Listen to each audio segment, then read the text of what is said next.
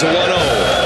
And on the ground, Swanson, he's got it to his feet, throw to first. There it is! The Atlanta Braves are going to the World Series! Here comes the 0 1. Fly ball into left. That should do it.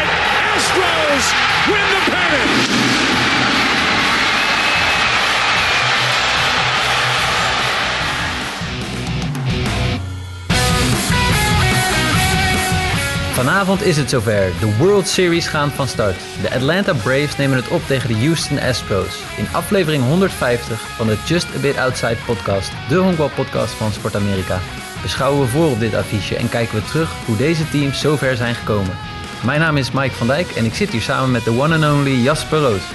150 afleveringen. Dit is de 150ste. Ik, eh, ja, als ik het goed heb eh, opgezocht wel, ja. ja dat is Holy wel, eh, smokes. milestone, toch? Nou, zeg dat wel. En dan hebben we nog drie dagen nodig gehad om überhaupt een moment te plannen dat we in een microfoon konden kletsen. Ja, some, some things never get old. Nee, inderdaad. En eh, 150, zeg maar. En is, is er een stat waarmee je met 150 de Hall of Fame zou kunnen halen? Ik, ik zit even te denken, maar... Ja, war. Ja, zover zullen wij niet gaan, denk ik. Eh, Twee, tweeënhalf keer eh, het gemiddelde war. Hè? 60 was het eh, gemiddelde war van de Hall of Famers. Dus we hebben- zitten nu op 2,5 keer het gemiddelde war van de Hall of Famers. zijn we dan Roger Clemens overheen? En daar zijn we, ja, dat denk ik wel. Hoeveel, wat, wat had hij voor war? Had, wat, wat had Bonds voor war? Volgens mij is dat, dat zat Clemens wel over de, over de 100, dacht ik. Even kijken, we gaan het gelijk opzoeken. We gaan beginnen gelijk, gelijk met ja, gelijk met een eh, 162 war voor Barry Bonds. Dus we zijn Hier. inderdaad over... We zitten ongeveer in eh, Ty Cobb territory. 151,6 war was eh Cobb waard. Ja, dat is hem. Ty Cobb. We zijn, we zijn nu Ty Cobb Hall of Fame territory. 151,4 war. En dan zit Henry Aaron onder met 143 war. Dus we zijn voorbij Henry Aaron.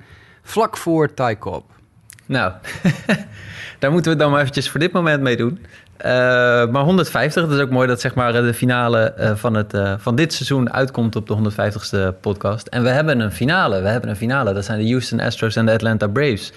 Nu alvast een, een- een- Ja, ik wil net zeggen, nu alvast een korte reactie. Dan gaan we straks wat langer erbij stilstaan. Maar het is... Oké, oké. en dan specifiek richting één team of voor beide teams? Nou, meer, meer richting de Astros dan richting de Braves. Maar ik heb ook niet zo... Ja. Weet je, de Braves zijn een leuke club, leuk team. Vooral een heel sympathieke manager. Ik vind Brian Snitker een ontzettend sympathieke gast. Eh, prachtig ook dat hij na 40 jaar in honkbal werken... eindelijk nu in de World Series staat. De Braves hebben natuurlijk bijna geen World Series gezien... in de laatste, wat, 22 jaar of zo. Ja. Super mooi dat er een team in staat dat, dat er niet zo vaak in staat. Aan de andere kant, weet je, ik bedoel... ah,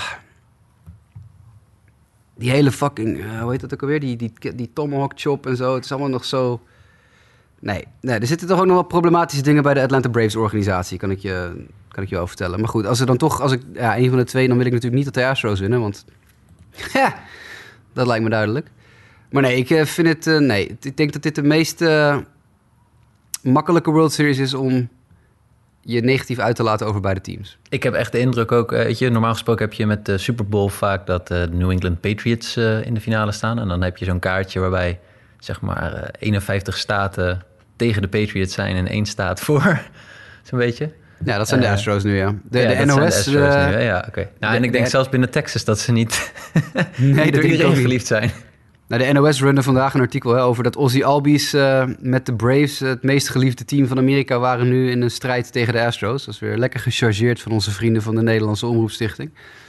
Maar eh, het is misschien ja, wel een heel klein beetje zo dat ik denk dat de veel neutrale kijkers, die honkbal met meer dan een half oog volgen, nu toch voor de Braves zullen zijn. Ja, en, en maar kijk ik, ook, ja, dan vind ik, vergeet dan niet dat de Braves ook gewoon een hele problematische organisatie zijn. Maar goed. Ja, maar ik, ik blijf wel zeggen, maar goed, dat, eh, het, het team zelf is wel echt, ja, ik vind het een leuk, energiek team en, en met leuke spelers, talentvol. Eh, dus ik, wat dat betreft, eh, als je dan niet kijkt naar de organisatie, dan, dan vind ik dat daar wel wat voor, voor te zeggen. Terwijl ja, bij de Astro-spelers kleeft natuurlijk het schandaal van 2017 eh, nog uit. Over het algemeen, eh, de play-offs. eh, we hadden van tevoren best wel hoge verwachtingen, denk ik. Eh, ik hoorde heel veel mensen enthousiast van, ja, nu, nu, nu gaat het echt leuk worden. Ik, ik, ik, bij mij heeft het niet zo gescoord. Ik vond de wedstrijd, Nee. maar ik weet niet hoe jij daarna hebt gekeken. Nee, hetzelfde. Ik, ehm, weet je, ja, het is altijd natuurlijk anders als je als je eigen team de playoffs haalt en, en dan uitgeschakeld wordt, daar gaan we het zo nog even kort over hebben, want we hebben natuurlijk al een tijdje niet meer gepodcast. Uh, dan is het al vaak lastiger om je weer ertoe te zetten. Maar ik had het ook nog zo dat mijn backup team, de Milwaukee Brewers, op dezelfde avond werden uitgeschakeld. Dus op, op één avond verloor ik allebei mijn, uh, de teams. Dus toen was het al zoiets van, ik nou ja, dan, is de, dan, is het ook, dan zit er geen team meer in waar ik positieve gevoelens bij heb. Ik heb helemaal niks met de Astros en de Red Sox aan de kant van de American League. Ik vind het allebei vervelende organisaties. Om verschillende en uiteenlopende redenen. En aan het, de National League kant zaten dan nog de Giants en de Dodgers. Nou, toen heb ik nog een klein, gedacht, klein beetje gedacht van... nou, laat dan de Giants het inderdaad maar doen... Uh, tijdens dit legendarische seizoen van ze. Uh, ja, oké, dat, dat liep dan ook uiteindelijk weer fout. En dat je nog uh, de Braves, ja, daar werd ik ook niet heel erg vrolijk van. Dus uh, nee, ik ben ook niet, okay. nee, nee, ik ben er niet heel enthousiast over. We gaan, we gaan gewoon heel snel eventjes, eventjes doorheen. En laten we gewoon even beginnen bij de, ja, de wildcard game die we natuurlijk hadden in de American League. Yankees, Red Sox. Ja, de Red Sox winnen die wedstrijd met 6-2 en gaan door. Ja, Garrett Cole, was hij dan zijn geld waard? Nou, nee, want ze zijn uitgeschakeld. En de Yankees, ik, toevallig plaatste iemand gisteren of eergisteren een plaatje op Twitter over hoeveel, welke teams de laatste 20 jaar of zo, of 21 jaar de World Series hebben gehaald. De, de Yankees staan er één keer geloof ik bij, of als ze er al één keer, ja één keer geloof ik. Dat is natuurlijk voor die club totaal, totaal falen. Ik bedoel, de Yankees die in 21 jaar tijd één keer de World Series halen, dat is, nee, dat is, dat is niet oké. Okay. De Red Sox wonnen hem drie keer in die periode. Ja. Dus uh, Nee, er moet wel wat veranderen bij New York. En dat gaan ze niet doen, want ze hebben wel een paar coaches eruit gedonderd. Maar ze houden natuurlijk wel... Aaron Boone uh, heeft een contractverlenging gekregen. Brian Cashman heeft nog een contract voor één seizoen, zeg ik uit mijn hoofd even. Ik vind het toch... Uh, je, je zegt, ik vind het toch verrassend. Echt maar... Boone gedurende dit seizoen... Uh, dat je hem dan drie jaar zijn een contractverlenging geeft... Vind, mij heeft het heel erg verrast. Ik had het ook geen drie jaar gedaan, maar ik, het, op zich snap ik wel dat je... Kijk, het, dit ligt niet aan, het ligt niet aan de manager. Weet je, ze hebben een paar coaches eruit geknikkerd die duidelijk een invloed hebben gehad op de manier hoe uh, de Yankees gepresteerd hebben. Maar Boone haalt gewoon de playoffs in elk seizoen dat hij daar managt. Met, en natuurlijk kan je zeggen, ja, dat heeft, aan de ene kant heeft hij een, een payroll van heb ik jou daar. Aan de andere kant heeft hij ook dat team uit 2019, waar ik geloof 58 man op de, de IL heeft gestaan. Ja. Heeft hij ook naar de playoffs gekregen. Ik denk niet dat het, dat het aan Boone ligt. Alleen moet je je af gaan vragen, uh, de Yankees blijven natuurlijk geld uitgeven. Ieder offseason ongeveer één grote aankoop of zo. Dat gaat dus niet meer werken in de, het honkbal van nu. Dat werkte misschien in de honkbal van 20 jaar geleden, maar dat werkt nu niet meer. Je moet een team hebben waar de gaten wat minder diep zijn. En de Yankees hebben gewoon een team met een paar hele hoge pieken, maar ook een paar hele, hele diepe gaten. En die moeten ze gaan opvullen. Nou ja, als ze dat doen, dan kan het best wel een interessant team worden weer volgend jaar. Want ik, ik heb ze ook gewoon voorspeld aan het begin van het jaar... van ze gaan de play-offs halen. Ik heb ze zelfs volgens mij als divisiewinnaar uh, voorspeld. Talent zit er echt wel. Alleen je moet zorgen dat het wat gebalanceerder wordt. Het ligt niet aan Boone. Maar ik had hem ook geen drie jaar gegeven. Nee. Nee, en in deze wedstrijd specifiek nog even inzoomend. We gaan het niet bij alle wedstrijden uh, doen uh, van de postseason. Maar Eovaldi was erg goed. Cole was niet zo best. En ik vond dat in deze wedstrijd het, het thuisvoordeel van Boston... heeft dan wel is, je ziet hoe belangrijk dat is uh, in, in, in zo'n uh, in zo'n postseason game. Ik denk wel dat dat echt ook uh, invloed had. Dat als het in New York was geweest, dat het heel goed de andere kant op had kunnen swingen. Maar goed, dat is. ja, je hebt op, aan meerdere, in meerdere series heb je het thuisvoordeel inderdaad een redelijke rol zien spelen. Maar laten we vooropstellen dat de Boston Red Sox offense ja. gewoon fantastisch was. de hele, de, de hele postseason tot ze er ongeveer uitvlogen. want ik bedoel, Boston heeft natuurlijk de wildcard gewonnen, maar ook de Tampa Bay Race gewipt. Ja, uh, ja dus, pak hem dus gelijk door. Ja. ja, ik bedoel, het is gewoon een fantastische prestatie. Ja. Ik bedoel, de pitching, en dat we heel veel uh, Red Sox-fans die wij kennen...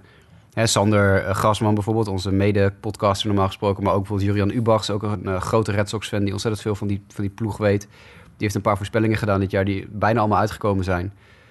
inclusief de voorspellingen over de dips, op welke momenten de dips zouden komen en zo. En die heeft eigenlijk, zeker aan het begin van de playoffs gezegd... van nou, ze gaan de World Series echt niet winnen... Uh, want daarvoor is de pitching gewoon niet goed genoeg. Maar die offense, die, die kan wel wat. Nou, dat hebben we ook gezien met, met uh, de Deverses en de Bogaertses en de J.D. Martinez's en de, uh, de Kike Hernandez's. Want laten we vooropstellen, Kike Hernandez heeft zo ongeveer in zijn eentje de hele postseason kapot gebeukt. Ehm, die offense, dat was het probleem niet. Het was een groter probleem dat Tampa Bay ineens gewoon helemaal instortte, denk ik. Ja, je vraagt je af wat er in die popcorn heeft gezeten in Game One die ze ja, die, popcorn shit, ja, ja, En ik vond het wel grappig dat... Uh, wij waren vooraf uh, gaan aan het seizoen, volgens mij jij en ik allebei. kritisch op, of uh, kritisch, we hadden onze vraagtekens bij hoe goed is Randy Arozarena nou? En over een heel is, seizoen, ja. Over een heel seizoen. En ik denk ja. inderdaad dat hij niet zeg maar, de topspeler was die, die zeg maar, vorig jaar in de positie was. Maar in deze serie had hij wel weer zijn moment. Hij, hij, leeft wel op zeg maar, in, in, in, uh, in dit soort momenten. Niet dat hij ineens weer een betere hitter wordt, maar Nee, maar hij, dat soort spelers zijn er echt, hè? Ja. Er zijn spelers die gewoon op dit soort momenten gewoon boven zichzelf uitstijgen. En dat doet Rosarena absoluut. Want hij heeft vorig jaar dat gedaan. Hij heeft dit jaar speelde ook gewoon een heel goede serie. Um, het kan best zijn dat dit soort jongens gewoon boven zichzelf uitstijgen in zo'n situatie. Ja. En dat, dat is prima. Ik bedoel, er, zijn er, er lopen er nog meer van rond die nu nog, nu nog in de postseason zitten. En jongens die echt gewoon uh, uit het niets ineens weer... Uh, nou ja, niet, ik wil niet zeggen uit het niets, want niemand die... Maar neem een Eddie Rosario ja. bij, bij de Braves. Daar komen we zo meteen nog op terug. Nou, fantastische uh, postseason gedraaid. Voor, voor de, ontzettend, echt cruciaal belangrijk voor de Atlanta Braves. Ja, sommige jongens die pieken op het juiste moment. Kike Hernandez ook een beetje. Kike Hernandez hetzelfde verhaal. Het is, het is een goede speler, maar... Nee, maar hij heeft voor de Dodgers ook al in het verleden hele goede off-season of postseasons gedraaid. Ja. ja. Dus dat is, wat dat betreft, ja, de, de Boston ja, race eigenlijk door, door het eerste stuk van de bracket. Uh, van de bracket heen, inderdaad, door de Yankees heen en door de Tampa Bay Race heen. Ja, dan zouden ze dus de winnaar van de Astros tegen de White Sox uh, krijgen. En ja, weet je, ik zei het bij onze preview van de postseason al een paar weken geleden. Van ik denk niet, ik heb ook voorspeld dat de Astros door zouden gaan. Ik denk niet dat de White Sox doorgaan. Ten eerste zitten ze op dat moment niet goed in hun vel. En is de offense gewoon niet constant genoeg. Nou, dat hebben we gezien. Game 1 en 2 in Houston. White Sox hebben eigenlijk geen kans. Pitching wordt kapot gebeukt. De onbegrijpelijke beslissing van Tony La Russa om Lance Lynn Game 1 te laten starten.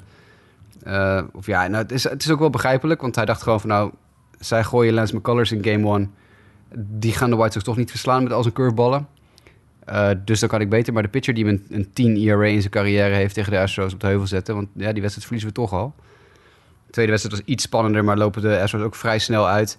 Dan komt de derde game in Chicago, daar waar de White Sox offense ineens uit elkaar spat. En dat was overigens wel, als ik dan toch iets positiefs moet zeggen over de Chicago White Sox in het postseason, die verder echt uh, zeer teleurgesteld hebben. Uh, is het de blackout game die op zondagavond was. Uh, hele stadion in het zwart. Geweldige vuurwerk, shows, light shows. En de offense die helemaal ontploft. Echt ontploft. Maar daarmee ook een beetje ver, verbloemd dat de pitching weer niet goed was. In de derde wedstrijd op rij. Ja, en dat doet ze dan uiteindelijk in de vierde wedstrijd de das om. Uh, de offense die helemaal stilvalt. Uh, pitching die ja, goed is, maar gewoon niet goed genoeg. En dat is het probleem van dit team het hele seizoen eigenlijk. De pitching heeft zich gedragen. Totdat op een gegeven moment de pitching ook knapt. En dat is nu gebeurd. Dus ja, de Houston offense is natuurlijk ook geen... Uh, dat zijn geen, uh, Poh. geen ja, zaterdag amateurs. Best, ja. oh, zo, best in MLB. Best in ja. MLB. Dat, is, uh, dat is niet, het zijn geen zaterdag amateurs. Dus, nee. Uh, hoe je het ook bent of verkeerd, er was natuurlijk wel uh, Ryan Tepera, de enige White Sox pitcher die volledig de Astros oonde, zei wel dat hij zo'n twijfels zo had bij wat uh, teken relaying. En er is later in de postseason ook weer een videofragmentje op YouTube gekomen waarin aangetoond wordt dat de Astros met fluitsignalen werken dit seizoen. En een lange fluit voor een fastball, twee korte fluitjes voor een breaking pitch. Telkens weer bij Altuve, die al zo vaak beschuldigd is van vals spelen... dat het op een gegeven moment moet je je toch gaan afvragen... of er niet een kern van waarheid in zit. Maar ik denk hoe dan ook... Die, die offense van de Astros, dat hebben ze tegen de, tegen de Red Sox ook bewezen... is, is gewoon heel erg goed. Het is gewoon ja, heel erg goed. En of ze het dan zonder hulp of met hulp doen, dat, ja, dat weten we nu niet. Het, nee. het zag er af en toe wel eens uit alsof ze wisten wat er aan zat te komen. Maar dat, ja... We hebben het heel even over gehad over, uh, dus als er een uh, honkloper is op het tweede honk, hè, dat hij dan doorgeeft aan de slagman wat eraan zit te komen. Ja, uh, ja ik, ik hou er niet van. Ik weet dat het op zich binnen de, het is niet verboden. Ehm, maar ik hou er niet van, want je maakt van een 1 tegen 1 gevecht, pitcher tegen slagman, maak je een 2 tegen 1 gevecht. Namelijk pitcher, slagman en een jongen die op het tweede honk staat en tegen de slagman zegt wat eraan komt. En ja, nogmaals, het is niet tegen de regels. Ik vind het ontzettend onsportief. En natuurlijk kan je dan zeggen, ja, dan moeten de verdedigende ploeg moeten tekens gaan wisselen. En zo is ook zo, dan moet je dat maar doen. Uh, maar je kunt ook gewoon uh, het spel zuiver houden en niet Klopt. gaan valspelen. Klopt, nee, precies. Dus weet je, ze zoeken daarin wel uh, de grens van het, van het toelaatbaar op. En dan, nou dan nog, hè, dan, dan je kan zeg maar Gaat, gaat er dan dus iemand nog ergens tijdens de wedstrijd aangeven... ze hebben nu de tekens veranderd in zus en zo? Weet je, dat, uh, dat zou ik ook wel nog heel veel verder vinden gaan. Uh, je weet het niet met de Astros. Tegelijkertijd, het zou me zo verbazen dat als je gepakt wordt voor zoiets... Dat je dan zegt van nou, we vervangen, we vervangen een prullenbak voor een fluit en we gaan weer rustig door ermee. Nee, het is ook heel bizar, maar het filmpje was heel erg... ehm, ik, ik weet niet of je het gezien hebt, maar het was echt heel erg overtuigend. Ik dacht van, ja, nou, ik, ik, weet je, ik geloof dit wel. En het was Ja. ook niet zo dat alleen deze serie gebeurt. Het is meerdere keren in het seizoen precies hetzelfde fluitje. Precies dezelfde intonatie, precies hetzelfde moment. Iedere keer in de slagbeurt. Uitwedstrijden, thuiswedstrijden, playoff-wedstrijden. Iedere keer weer dat fluitje. Ja. Ja. weet je, op een gegeven moment moet je je dan toch af gaan vragen van... hey, Ja, ik, ik, eh, nogmaals, ik, eh, ik ben geen fan van de Astros. Het enige wat ik dan wel mooi vind aan dit, aan dit team is ook dat... Ja, Dusty Baker. precies, ja. Ja, tuurlijk. Het is ja, toch schitterend, Justy man. Baker. Wat een fucking Ja. eindbaas is dat, man. Niet Ja, te echt. zuinig. Ik, ik, vind, ik heb Dusty Baker altijd... En dat is heel bizar als, om als White Sox fan te zeggen... dat ik altijd een fan ben geweest van Dusty Baker. Want hij is natuurlijk bij de Cubs... Oh, nou, fan is een beetje groot woord. Hij heeft ook heel veel dingen fout gedaan hoor, bij de Cubs. Maar hij is natuurlijk langdurig Cubs manager geweest. Dus dan kan je hem niet cool vinden. Maar Dusty Baker, die geeft geen fucks. Nee, Die, die zit daar gewoon lekker oude, oude man in de dugout met een rij armbanden op zijn arm. Van heb ik jou daar? Want hij heeft allerlei armbandjes om en rubberen bandjes en weet ik het allemaal. En hij zit er gewoon een beetje te chillen en op zijn, op zijn, op zijn tandenstoker te kauwen. En, eh, en, en maakt de ene naar de andere bizarre managerbeslissing die altijd weer werkt. Of lijkt te werken. Eh, Dusty Baker is gewoon een dude, man. we're going to the World Series. Hij heeft wel weer een pitcher kapot gemaakt, hè, trouwens. Hij heeft natuurlijk Ja, bij de Cubs heeft Lance hij en Mark. Pryor en Kerry Wood over de kling gejaagd. Hij heeft nu Lance McCullers weer kapot gemaakt.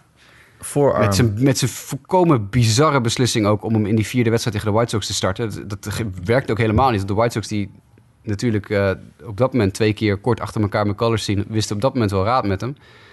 Ehm, in die vierde wedstrijd. Totdat natuurlijk de, de boel wel instortte. Eh maar volkomen bizarre beslissing om, om hem daar te starten. Echt slo- sloeg helemaal nergens op. Maar ehm, ja, dat toont ook wel aan dat Dusty Baker had geen zin om terug te gaan naar Houston met een gelijke stand in die serie. Omdat hij eh, blijkbaar ja, toch tegen nog een, een dingetje, een appeltje te schillen had met Tony La Russa. Maar ja, dit- Dusty Baker is een dude. Ja, en het, het, het- niks... Het is, heel, het is heel moeilijk om tegen de Astros te rooten omdat Dusty Baker er zit. Want Ja. Dusty Baker is gewoon ook iemand die je wel een titel gunt. Die heeft nooit En- titel gewonnen. Nee, precies. Maar ik vind ook gewoon... De, de, kijk, eh, ehm, ik vind het... Weet je, we hebben in het voetbal natuurlijk ook eh, hè, het dik advocaat-effect, om het maar zo te zeggen. Of eh, er komt er weer een oude trainer en toch weten ze het, het te bewerkstelligen. En nu hebben we een World Series met twee managers, waarbij je de leeftijden bij elkaar optelt. Dat hebben we nog nooit gehad, zeg maar. Nee, oudste, Ehm, oudste duo ooit. Ergens is het zorgwekkend, ergens is het bijzonder. Ik, ik, weet, ik weet nog steeds niet wat ik ervan moet vinden, maar ik vind inderdaad, Nou als ja. je dan ziet dat, dat Dusty Baker het wel lukt met zo'n club, eh, met zo'n team eh, eh, dan, dan te halen. Ja, natuurlijk, weet je, het voor- zijn voor super getalenteerde gasten, maar Precies, dan nog, weet weet je. je, je, moet het doen. Voor Dusty Baker geldt natuurlijk een beetje wat, voor wat tegen Tony La Russa werd gebruikt. Iedereen zei, ja, eh, zelfs een gorilla was met deze selectie nog naar de playoffs gegaan. Dat geldt natuurlijk ook voor Dusty Baker. Zelfs een trekpop was nog eh, in, de, in de playoffs geraakt met zo'n team. Is ook wel zo. Maar in de playoffs moet je op de juiste knoppen drukken. En dat doet hij. Dat doet En dat doet, dat doet Dusty Baker, doet dat wel. 9 van de 10 keer. Nogmaals, de beslissing voor McCullers heeft behoorlijk verkeerd uitgepakt. Want die keer hebben ze nu niet in, in de World Series. Maar eh Tony Russa heeft meerdere foute beslissingen gemaakt. Brian Snitker heeft geen foute beslissing gemaakt. Ja. Die heeft iedere knop die hij indrukt is de juiste knop. Dus misschien is dat ook wel ervaring. En ik, het, ik vind allebei die managers, ik zei het in de intro ook al... ik vind Brian Snitker gewoon een heel mooie gast om in de World Series te hebben. 40 jaar in honkbal gewerkt. Nu een paar jaar geleden zijn eindelijk zijn eerste managerpositie. En dat hij dan nu de World Series haalt, vind ik schitterend. Vind ik echt mooi. En Dusty, die ook eindelijk na jarenlang van ellende bij slechte clubs... want vergeet niet, hij heeft Oh, jaren van ellende bij de Cubs meegemaakt. Hij heeft jaren van ellende bij Cincinnati meegemaakt. Hij heeft eh, bij de Nationals gezeten toen die niet goed waren. Of niet goed, toen ze niet zo goed waren als ze een paar jaar daarna werden met Dave Martinez. Dus dit is voor hem ook wel een soort van mooie... Ja. Hey, en eh, de- kijk, ik, ik- we gaan het, eh, ja, de Astros ontkomen er niet omdat je het over het schandaal hebt. Dat geeft nu eenmaal gewoon aan ze. Zijn de straffen destijds dan zwaar genoeg geweest? Heb ik me wel niet. afgevraagd. Heb ik me Nee, afgevraagd. Dat je zo snel met dezelfde selectie eigenlijk weer de World Series, eh, hoe knap het ook is, maar dan denk je toch van, hmm, here we are again. Dat hebben we toen al gezegd. Zelfs voordat ze weer goed waren. We hebben toen al gezegd. Want het is echt het is geschift voor woorden. Ze zijn gewoon helemaal niet gestraft. Nee, dat, die, die, die- dat gevoel had ik dus nu ook als je nu dan kijkt van... Nou, ze hebben ook nog geluk gehad met de omstandigheden van het COVID-seizoen. Hè, de, de, dat er Ja. geen fans waren. En, eh, Ja. Maar eh, eh, hier zijn we inderdaad eh, drie, vier jaar later en, en, en ze staan gewoon in de finale. Ja, dat, je, je kan zeggen, super knap dat ze ondanks alles... het nu ja. sportief gezien wel gewoon nog een keer laten zien... dat ze een van de betere, zo niet de beste zijn.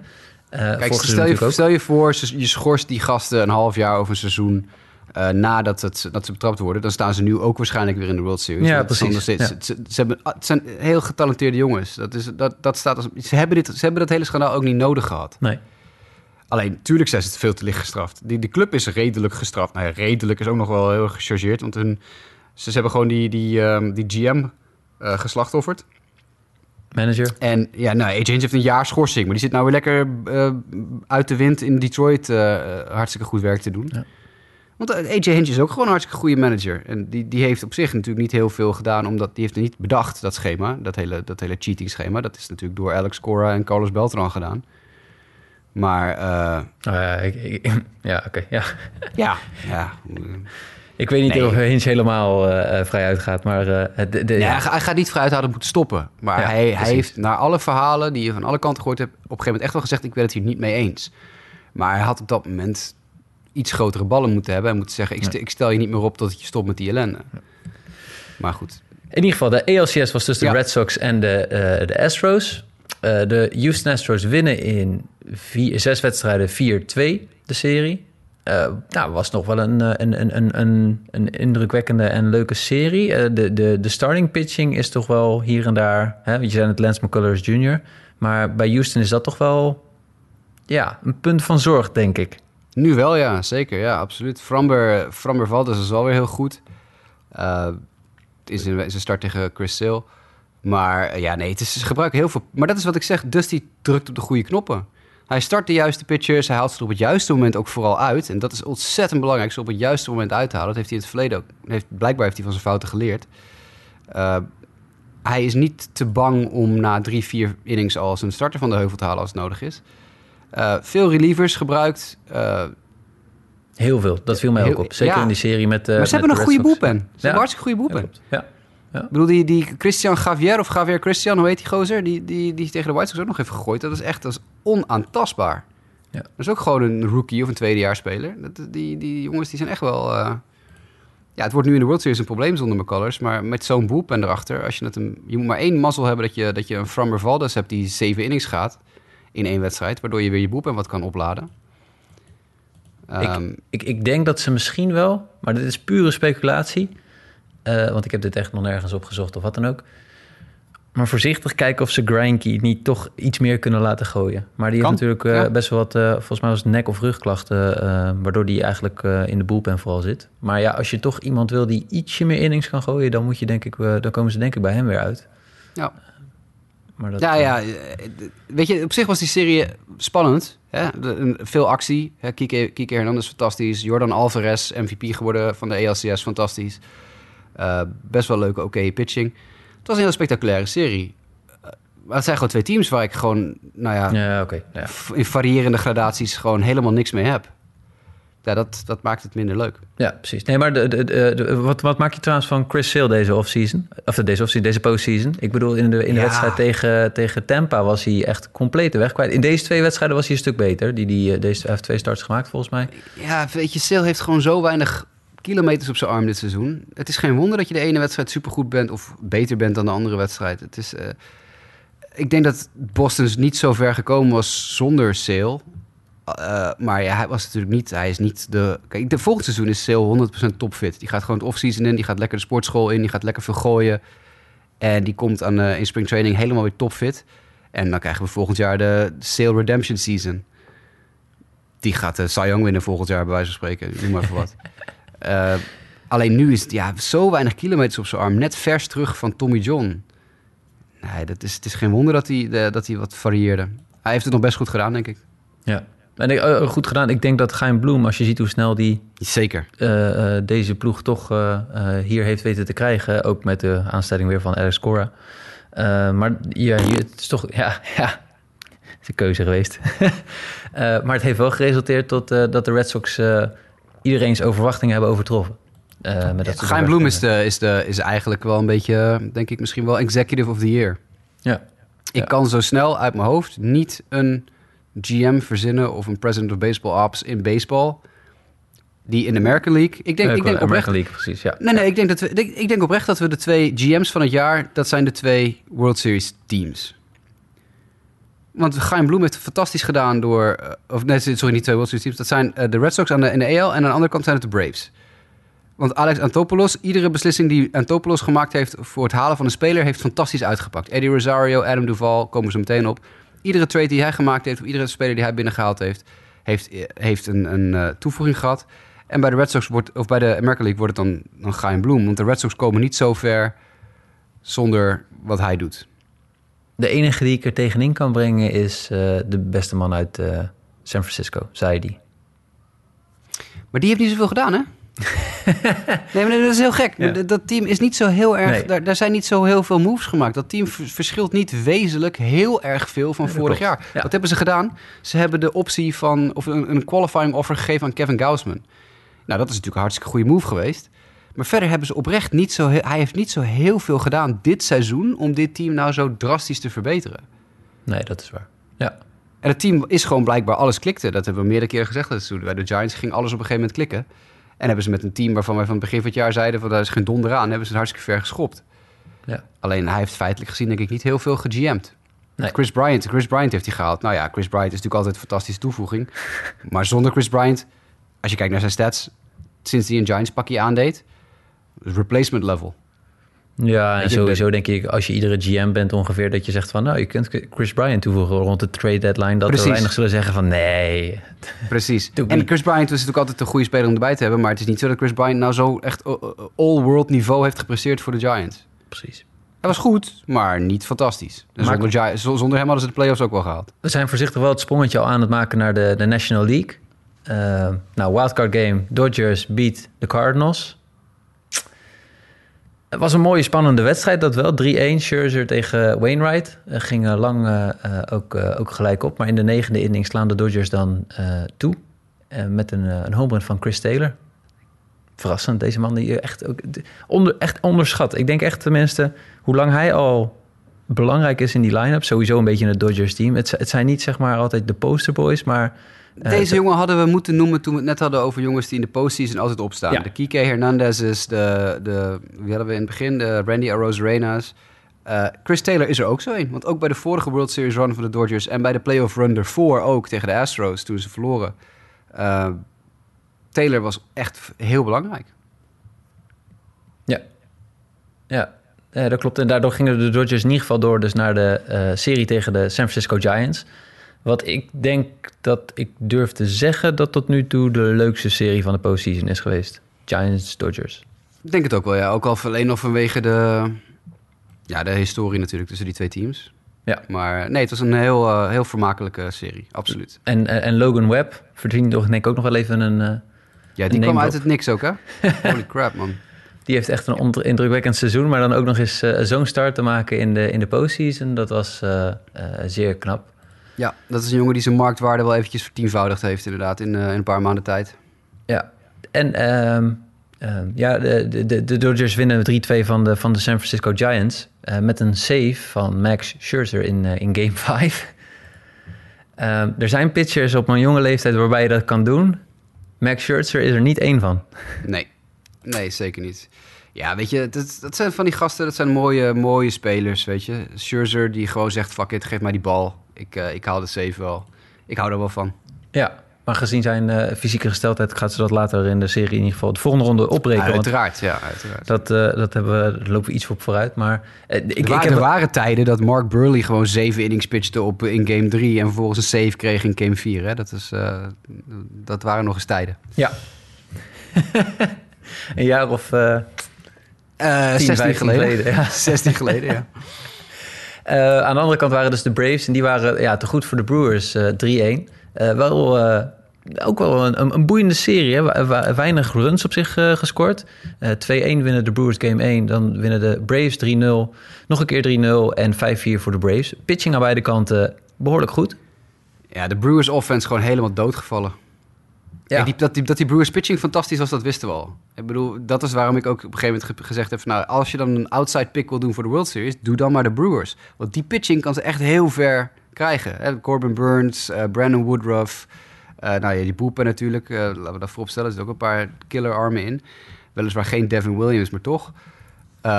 En uiteindelijk hadden ze dat feitelijk gezien ook absoluut moeten kunnen halen. Alleen de offense verdween helemaal. Christian Jelic volkomen onzichtbaar. Ook jongens die het- de rest van het seizoen best wel veel gepresteerd hebben bij de Brewers, offensief gezien, die gewoon niet thuis gaven. Eh, ja, dan kom je niet zo heel ver. Nee, nee. En ja, Atlanta was niet, eh, eh, tenminste, was, was indrukwekkend genoeg aanvallend. Ik moest ook denken heel erg aan vorig jaar. Volgens mij was het toen Cincinnati Reds tegen de Atlanta, Atlanta Braves. Waarbij Ja. Cincinnati toen, en dat was, Met Bauer. ja, precies. Eh, op zich deed Cincinnati eh, qua pitching alles eh, goed. Maar er werd gewoon niks gescoord. En de Braves profiteerden daar optimaal van. En ja, eigenlijk was dit een beetje in mijn beleving eenzelfde soort, soort serie. Ja, op- als de Brewers ook maar iets van offense hebben, winnen ze die serie twee vingers in de neus. Maar dat was letterlijk helemaal niets. Nee, Ik bedoel, de Braves Nee. winnen die wedstrijden. De- Die wedstrijden die ze winnen, winnen ze met heel, heel close.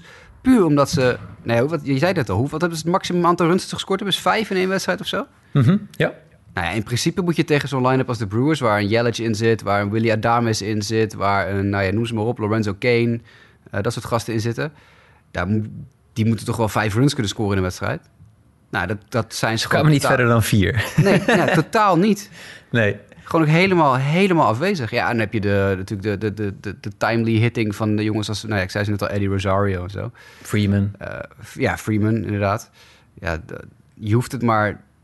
Die wedstrijden werden allemaal ook, bijna allemaal, laat in de wedstrijd pas beslist. Ja. Ja, want dan gaan we door naar de- dan krijg je de finale, de NLCS. Nou, Dodgers, eh, Braves.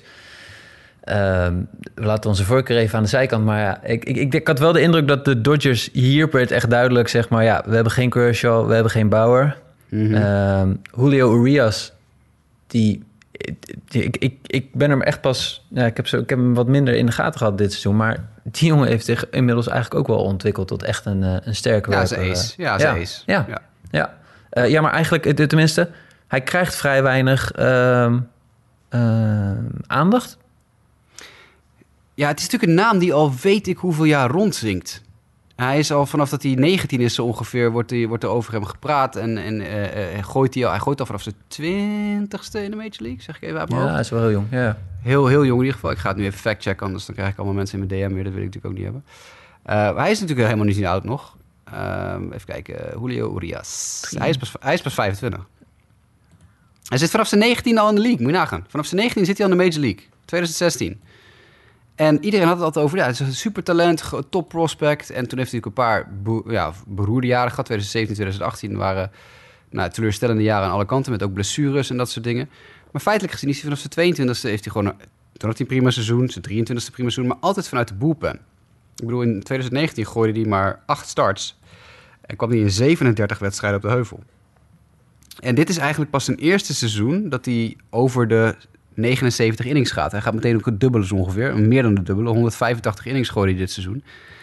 Ja, en dan blijkt hij dus ineens op zijn 24e, 25e een, eh, ja, een, een ace-kaliber pitcher. Maar doordat we het al zes jaar over hem hebben... Ja, vergeet iedereen hem eigenlijk een beetje. Ja. Dit, dit, dit, dit was zijn coming-out party. Ja. Ja, en dus kijk, eh, de, de eerste twee wedstrijden, eh, tenminste de eerste was een bullpen-wedstrijd van de, van, de, van de Dodgers. Daarna komt, komt Scherzer op in, in game 2. Dat mwah, ging, eh, ging, ging, dat ging nog wel goed. Ehm, maar ja, nee, ik, ik had wel, ja... Je ziet eigenlijk op dit moment dat ze wel dan Bauer of, of, of Kershaw had het verschil voor ze gemaakt in deze serie. Oh, 100 procent. Ja, 100 procent. En eh, voor de mensen die fan zijn van Bauer zal het ongetwijfeld eh, zijn opgevallen dat hij alweer in training is voor volgend seizoen. Tenminste, hij is Ja, alweer duidelijk verscheen- actief op de sociale media. Ja, hij verscheen in, op Instagram inderdaad, ja. Ja.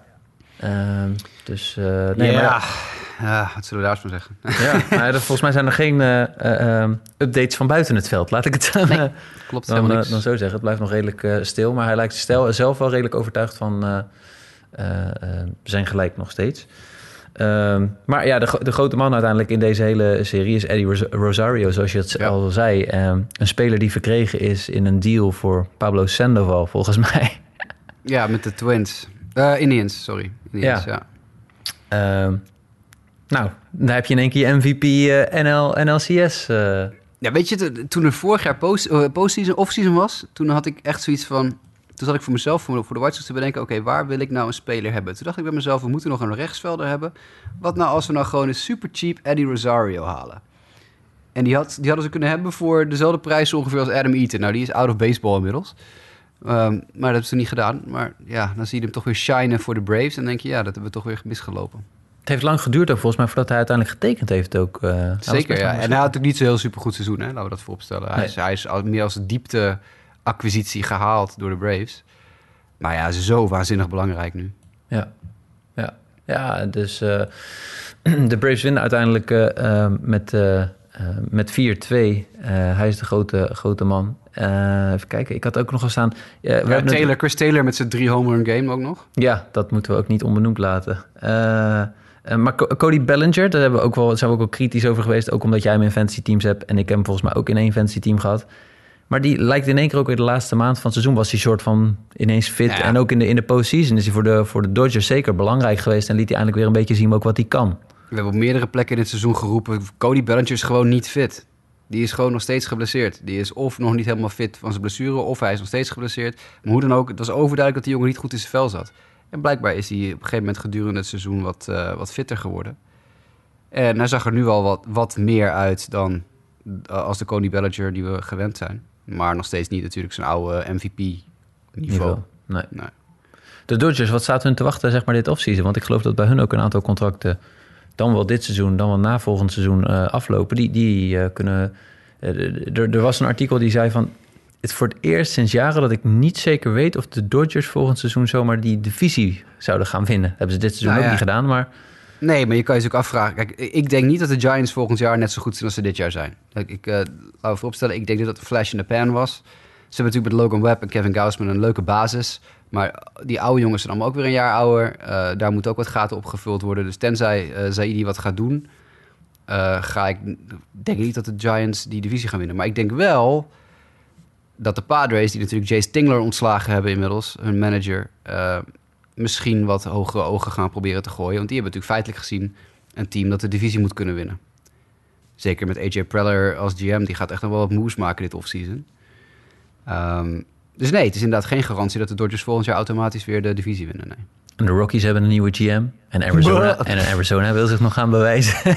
nou ja, die, die hebben op zich wel ruimte nog in het, zowel de selectie als het budget om eh, iets te gaan doen. Maar Ja. dat, eh, nee, dat, dat blijft lastig. Long ik denk dat shots. Dodgers op zich natuurlijk, ja, blijft een waanzinnig getalenteerd team. En vooral een team met zulke ontzettend diepe zakken.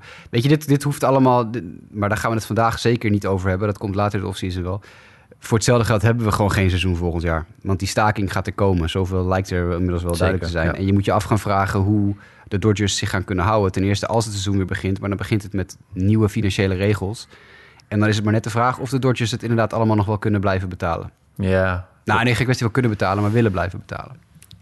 Maar goed, dat gaan we het in een Precies. podcast in het offseason wel een keer over Ja. hebben. Want de, de ram- rampzalig nieuws natuurlijk eer, gisteren of eergisteren op ESPN... dat die staking door 100% gaat komen. met hoe langer gestaakt gaat worden... hebben we nog zat tijd om daarover over door te Precies, praten. Dat, eh, precies, ja. Maar goed, zodoende zijn we nu Nou, de Braves, de. Braves hebben net wel eh, trouwens een 26-man roster voor de... zojuist, echt twee minuten geleden.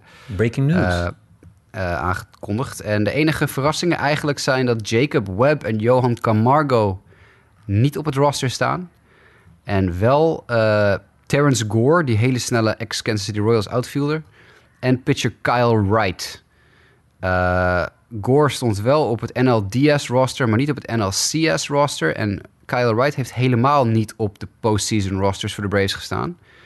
En wordt dus nu voor de World Series alsnog toegevoegd als twaalfde werper. Eh, staat Luke Jackson erop? Ja, Oké. Ja, omdat hij natuurlijk wat mindere optredens had in de vorige ronde... dacht ik van, nou, misschien dat ze zeggen van eh, die... eh, eh, ja Luke Jackson eh, staat erop. Eh, net als Ian Anderson, Jesse Chavez, Max Fried, Dylan Lee, Chris Martin, Tyler Matzek, AJ Minter, Charlie Morton, Will Smith, Drew Smiley en Kyle Wright. Dat zijn de pitchers die ze meenemen. be- hoe, hoe kijk je aan tegen de Braves pitching? Ja, ik vind het niet heel indrukwekkend. Maar dat ze bewijzen mij ook al meerdere wedstrijden een beetje tegendeel. Ze zijn best, ik wil net zeggen, want ze hebben best, de- de- zowel de Brewers als de Dodgers bij Vlagen best wel goed, goed, van ja, ja, weten te houden. Zeker ook die met de bullpen dan. Nou, je weet natuurlijk, met Max Fried heb je een super goede starter. En Charlie Morton is natuurlijk gewoon, ja, die... Wat, dit is zijn vierde postseason op rij met vier verschillende teams of zo. Het stond er van de week op internet. Of Mhm, derde ja, verschillende ja, team. Ja, Ja, die, die maak je ook niet meer gek natuurlijk. Die is ook... eh, die, die weet wel, die heeft wel vaker met dit bijltje gehakt. Ehm, ja, Ian Anderson blijft natuurlijk een jonge gast die op kan blazen en, en de boel eh, een shutout kan, om de oren kan gooien. De boepen ben ik niet zo heel erg fan van. Tyler Matzek, AJ Minter zijn wel oké. Will Smith natuurlijk goed. En voor de rest moet je het maar even afwachten. Ehm, ik denk dat het... eh, ja, Austin Riley was natuurlijk goed aan de offensieve kant. Uh, Dansby Swanson heb je natuurlijk nog. Freeman, Albies. Nou ja, wat ik net al zei, Duval en Peterson. Uh, Jocktober, zoals Hans Mulder, onze Braves fan in de redactie altijd zegt. uh, die, die zijn natuurlijk waanzinnig goed ge gebleken. Maar feitelijk gezien, dit is een team met deze zes outfielders dat de World Series had. Adam Duval, Terrence Gore, Guillermo Heredia, Jock Peterson, Eddie Rosario en Jorge Soler. Als je van, aan het begin van het seizoen had gezegd... dit is het outfield van een van de teams in de World Series... had ik je gierend van de lach de deur uitgelachen.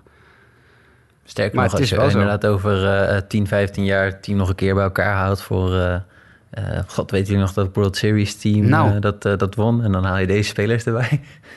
nee, de, de, enige die je gaat onthouden zijn Albies, Freeman, Riley en Swanson, denk ik. Ja. Maar goed, ja, dan zal het zien dat, de Dansby, of dat Jock Peterson negen homeruns slaat in de World Series of zo. Precies. Dat, dat is meestal wel hoe het, hoe het gaat. Ik, het valt me ook op dat zodra, zeg maar, second time through the order... er issues komen met de starting pitching... dan gaan ze ook wel snel naar de bullpen.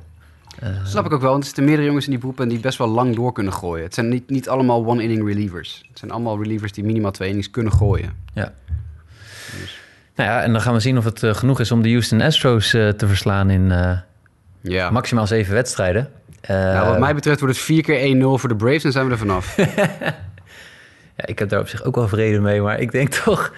Ik, het, ja, de, de, Astros zijn wel dermate sterk dat uh, de, bij de boekies in ieder geval de, de, de favoriet zijn. Ja, dat is denk ik ook terecht. Maar ja, weet je wat je krijgt als de Astros winnen? En dat is ontzettend zuur. Dan krijg je, zie je wel, we hadden helemaal, die, we, we kunnen het ook zonder cheating, zijn we gewoon de beste. En daar heb ik gewoon echt helemaal geen zin in. Trap die gasten hun tanden in. Laat ze oprotten naar, naar Texas. Huppakee, doei. Ze, beginnen, ze hebben in ieder geval wel thuisvoordeel. Het begint met twee wedstrijden in... Uh in Houston. Uh, Weet je wie ook trouwens echt onuitstaanbaar zijn tegenwoordig? Houston nee? Astros fans op Twitter. Oh. Yo, die gasten zijn alsof ze gewoon vergeten zijn... dat ze een jaar lang gewoon de boel echt helemaal besodemieterd hebben.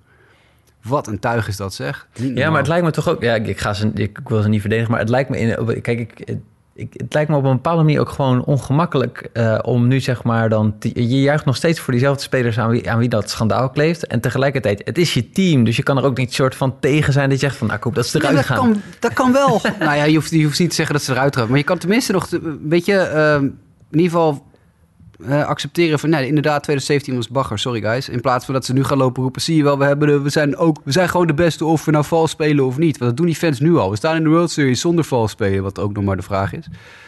En dat krijg je natuurlijk bij die spelers straks ook. Ik bedoel, die hebben al in het verleden bewezen hartstikke, uh, hartstikke toondoof te zijn. Alex Bregman en, en Jose Altuve, die gewoon tijdens die persconferentie na die, de hele schorsingsperikelen de meest achterlijke dingen lopen te roepen. Carlos Correa, wat een vol idioot is het ook. Ja, is een goede honkballer hoor, maar... Oh, ik zie het al zo voor me, Mike. Dan gaat Carlos Correa over drie weken tekenen bij de Detroit Tigers. En dan moet ik de komende zes tot tien jaar tegen die gast aankijken in de AL Central.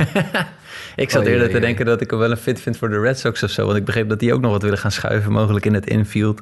Uh, nee, die, die, gaat, die, die gaat naar AJ Hinch. Die zijn dikke vriendjes. Okay. Ik, durf te, ik durf te wedden dat dat de eerste stap is waarmee de, de Tigers hun, uh, hun rebuild... Uh, de, de nieuwe gaat, kant op sturen. Het gaat niet meer goed komen tussen jou en Carlos Correa. Oh, dat, weet, dat weet ik wel zeker van niet. Wat een, wat een grote mond heeft die gast. Zeg, jongen, hou je kop en ga honkballen. Maar goed, oké. Okay, ja, en het blijft nog steeds ook, zeg maar, de, de ongelijk... Of hoe zeg je dat? Uh, uh, dat ze zelf niet... Uh, zelf kijken ze anders in de spiegel dan hoe de andere mensen tegen hun aankijken. Precies. Dat is, dat is gewoon... maar goed, ik denk, hè, als we dan toch een voorspelling moeten doen... Nou, dan ga ik gewoon zeggen Braves en 7. En ja, als, uh, ja, als National League, hè, dus ja, dan uh, ga ik daar voor mee. Wel, wel, weliswaar de, de, de ploeg met het minste aantal overwinningen in de National League uh, die de, play, de postseason had gehaald. Maar ze staan er wel in, in de World Series. Nee, ik, als mijn verstand een beslissing moet, een voorspelling moet doen, dan is het de Astros. Ja, en misschien zelfs wel gewoon, een veel team. Misschien ja, ook de, echt wel gewoon in vijf. Oh, misschien ja. wel een vier. Ja. Er bestaat echt een gerede kans dat ze gewoon vier keer eroverheen klappen dat is, dat is echt, echt niet onmogelijk. Dit kan een waanzinnig saaie postseason worden. Ja. Of, een play, of een World Series worden. Maar ja, weet je, het liefst heb ik natuurlijk... Ik heb niets met beide ploegen, maar laat dan de Braves maar winnen. Alleen maar vanwege het feit dat ik geen zin heb in die smug Houston Astros uh, gasten. Maar feitelijk gezien is de Astros, die staan mijlenver boven de Braves. Ja, maar ik vind toch wel, zeg maar, met, de, met die, wat, wat je zei, die core van een, uh, een Swanson, Albies, Freeman... eh, Riley. Ik, ja, goed. Ik, ik, ik kan er wel enthousiast voor worden voor wat ze, wat ze, wat ze laten zien. Maar Nou ja, en, ik en dat helden het, eh, Adam Duval en Eddie Rosario natuurlijk. Ja. Dus ik bedoel, voor hetzelfde geld stijgen die weer boven zichzelf uit. Eh, het, het kan, in theorie kan het. Maar ik denk dat de Astros inderdaad, net als de bookies, eh, denken dat de Astros het gewoon sterker zijn. Hebben we het nog niet eens gehad over Gurriel aan de Astros scheiden. Poh. Nee, maar ja, die was in het begin van de postseason heel slecht. ELCS was die niet om aan te zien. Nou, in ieder geval, dan eh, eh, zijn we rond, denk ik, met betrekking tot de wedstrijd die gespeeld zijn. Dan hebben we heel kort nog een paar andere nieuwtjes. Dat is dat de coach van de Cardinals is ontslagen, de manager. En er is inmiddels ook al een nieuwe. Eh, ja, een heel, heel bizar verhaal. Hè? Mike Shield, hartstikke goede carrière als manager bij de St. Louis Cardinals. Wordt eruit gesodemieterd vanwege filosofische verschillen of zo.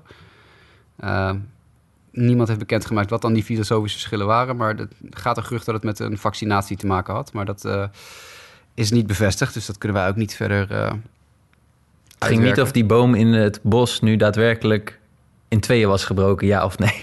Nee, nee, dat niet. Nee, maar het is, weet je, Shield krijgt natuurlijk best wel een baan. Ik denk dat de, San Diego Padres uh, nu al een, een uh, vergadering hebben waar ze even gaan praten over uh, of Mike Shield misschien de nieuwe man moet zijn aan het roer.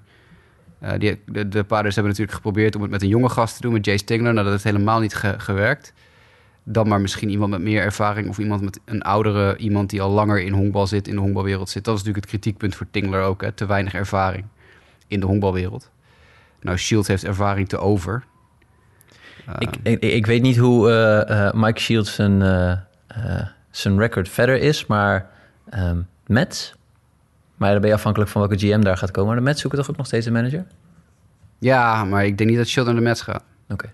Nee.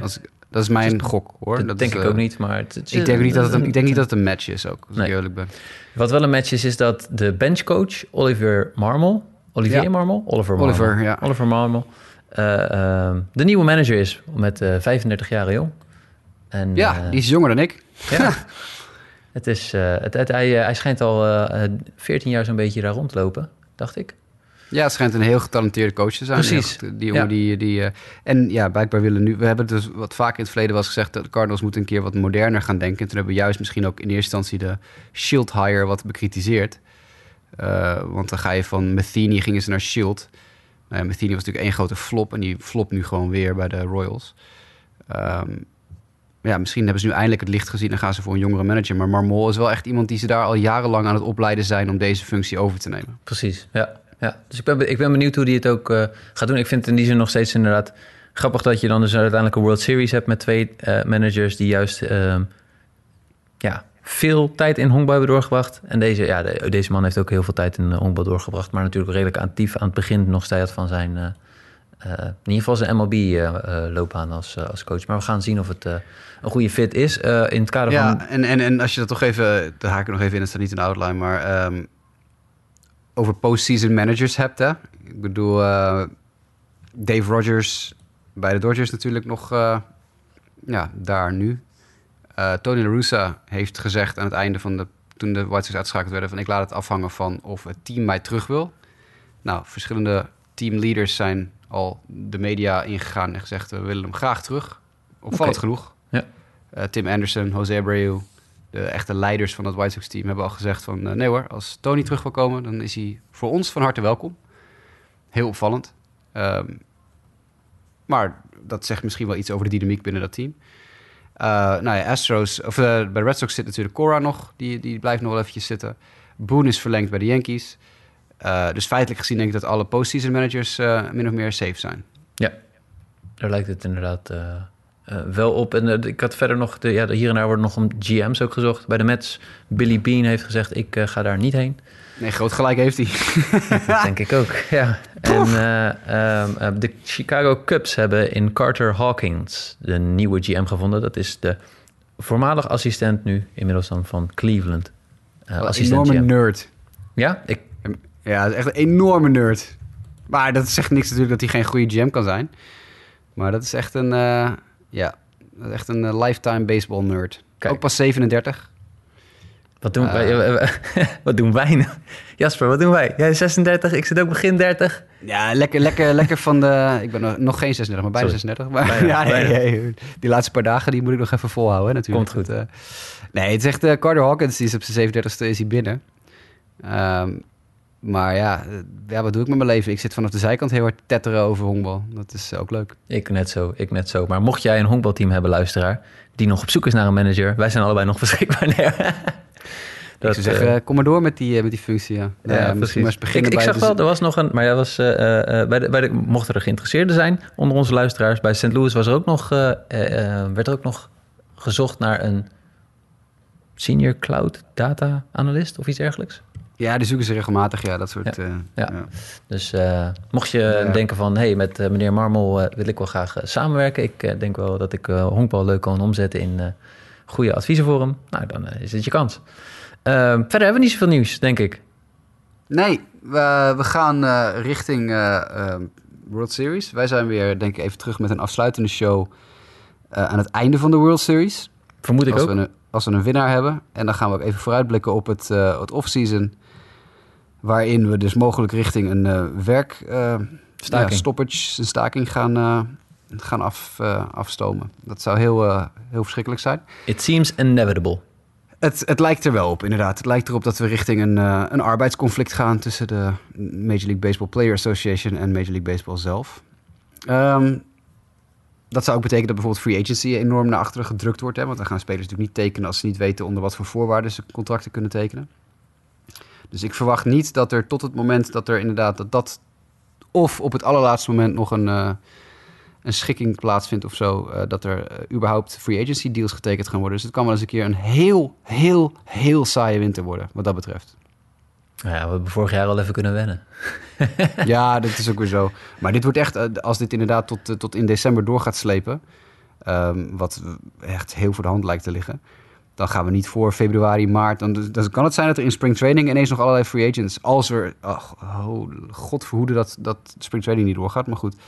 Eh, als dat gebeurt, dat we dan tenminste nog eh, ja, dan wat actie krijgen. Maar ik denk dat het wel eens een heel vermoeiend postseason kan worden, of off-season kan worden als eh, eh, MLB en MLBPA er niet uitkomen. Ja, ja we, gaan het, eh, we gaan het in de gaten houden. Jullie weten in ieder geval dat jullie ons weer in ieder geval gaan horen... als wij eh, terug zijn na de World Series. Ehm, in de tussentijd kan je natuurlijk altijd eh, een berichtje of een mailtje sturen met een vraag. Ehm, dat kan naar justabitpodcast.gmail.com. Eh, maar nog makkelijker is ons een berichtje te sturen eh, op Twitter. Dat kan naar Justin Kevenaar voor @jwkev. Ehm, naar Sander Grasman, @grasmansd. Naar Jasper Roos, Jasper Roos. En naar mij, mdijk90. En dan, dan zijn we rond, zijn we weer helemaal bij. Dank Jasper. Eindelijk. Ja, Ja, ook bedankt. precies. Het We heeft dagen geduurd voor we überhaupt een momentje konden prikken. Maar Ja, wat dat betreft eh, wel een eh, klein excuus richting de, eh, richting de luisteraars. Het is even, af en toe even zoeken naar het juiste moment om, om weer, Ja, het, het- het een punt is ook natuurlijk, Justin die werkt ontzettend veel en die zit dan weer in Roubaix en dan weer in, waar was hij van de week nou weer? Nou goed, hij zit door heel Europa heen met allerlei klussen. Dat is natuurlijk voor hem hartstikke tof, maar dat ja, is voor ons altijd even tricky.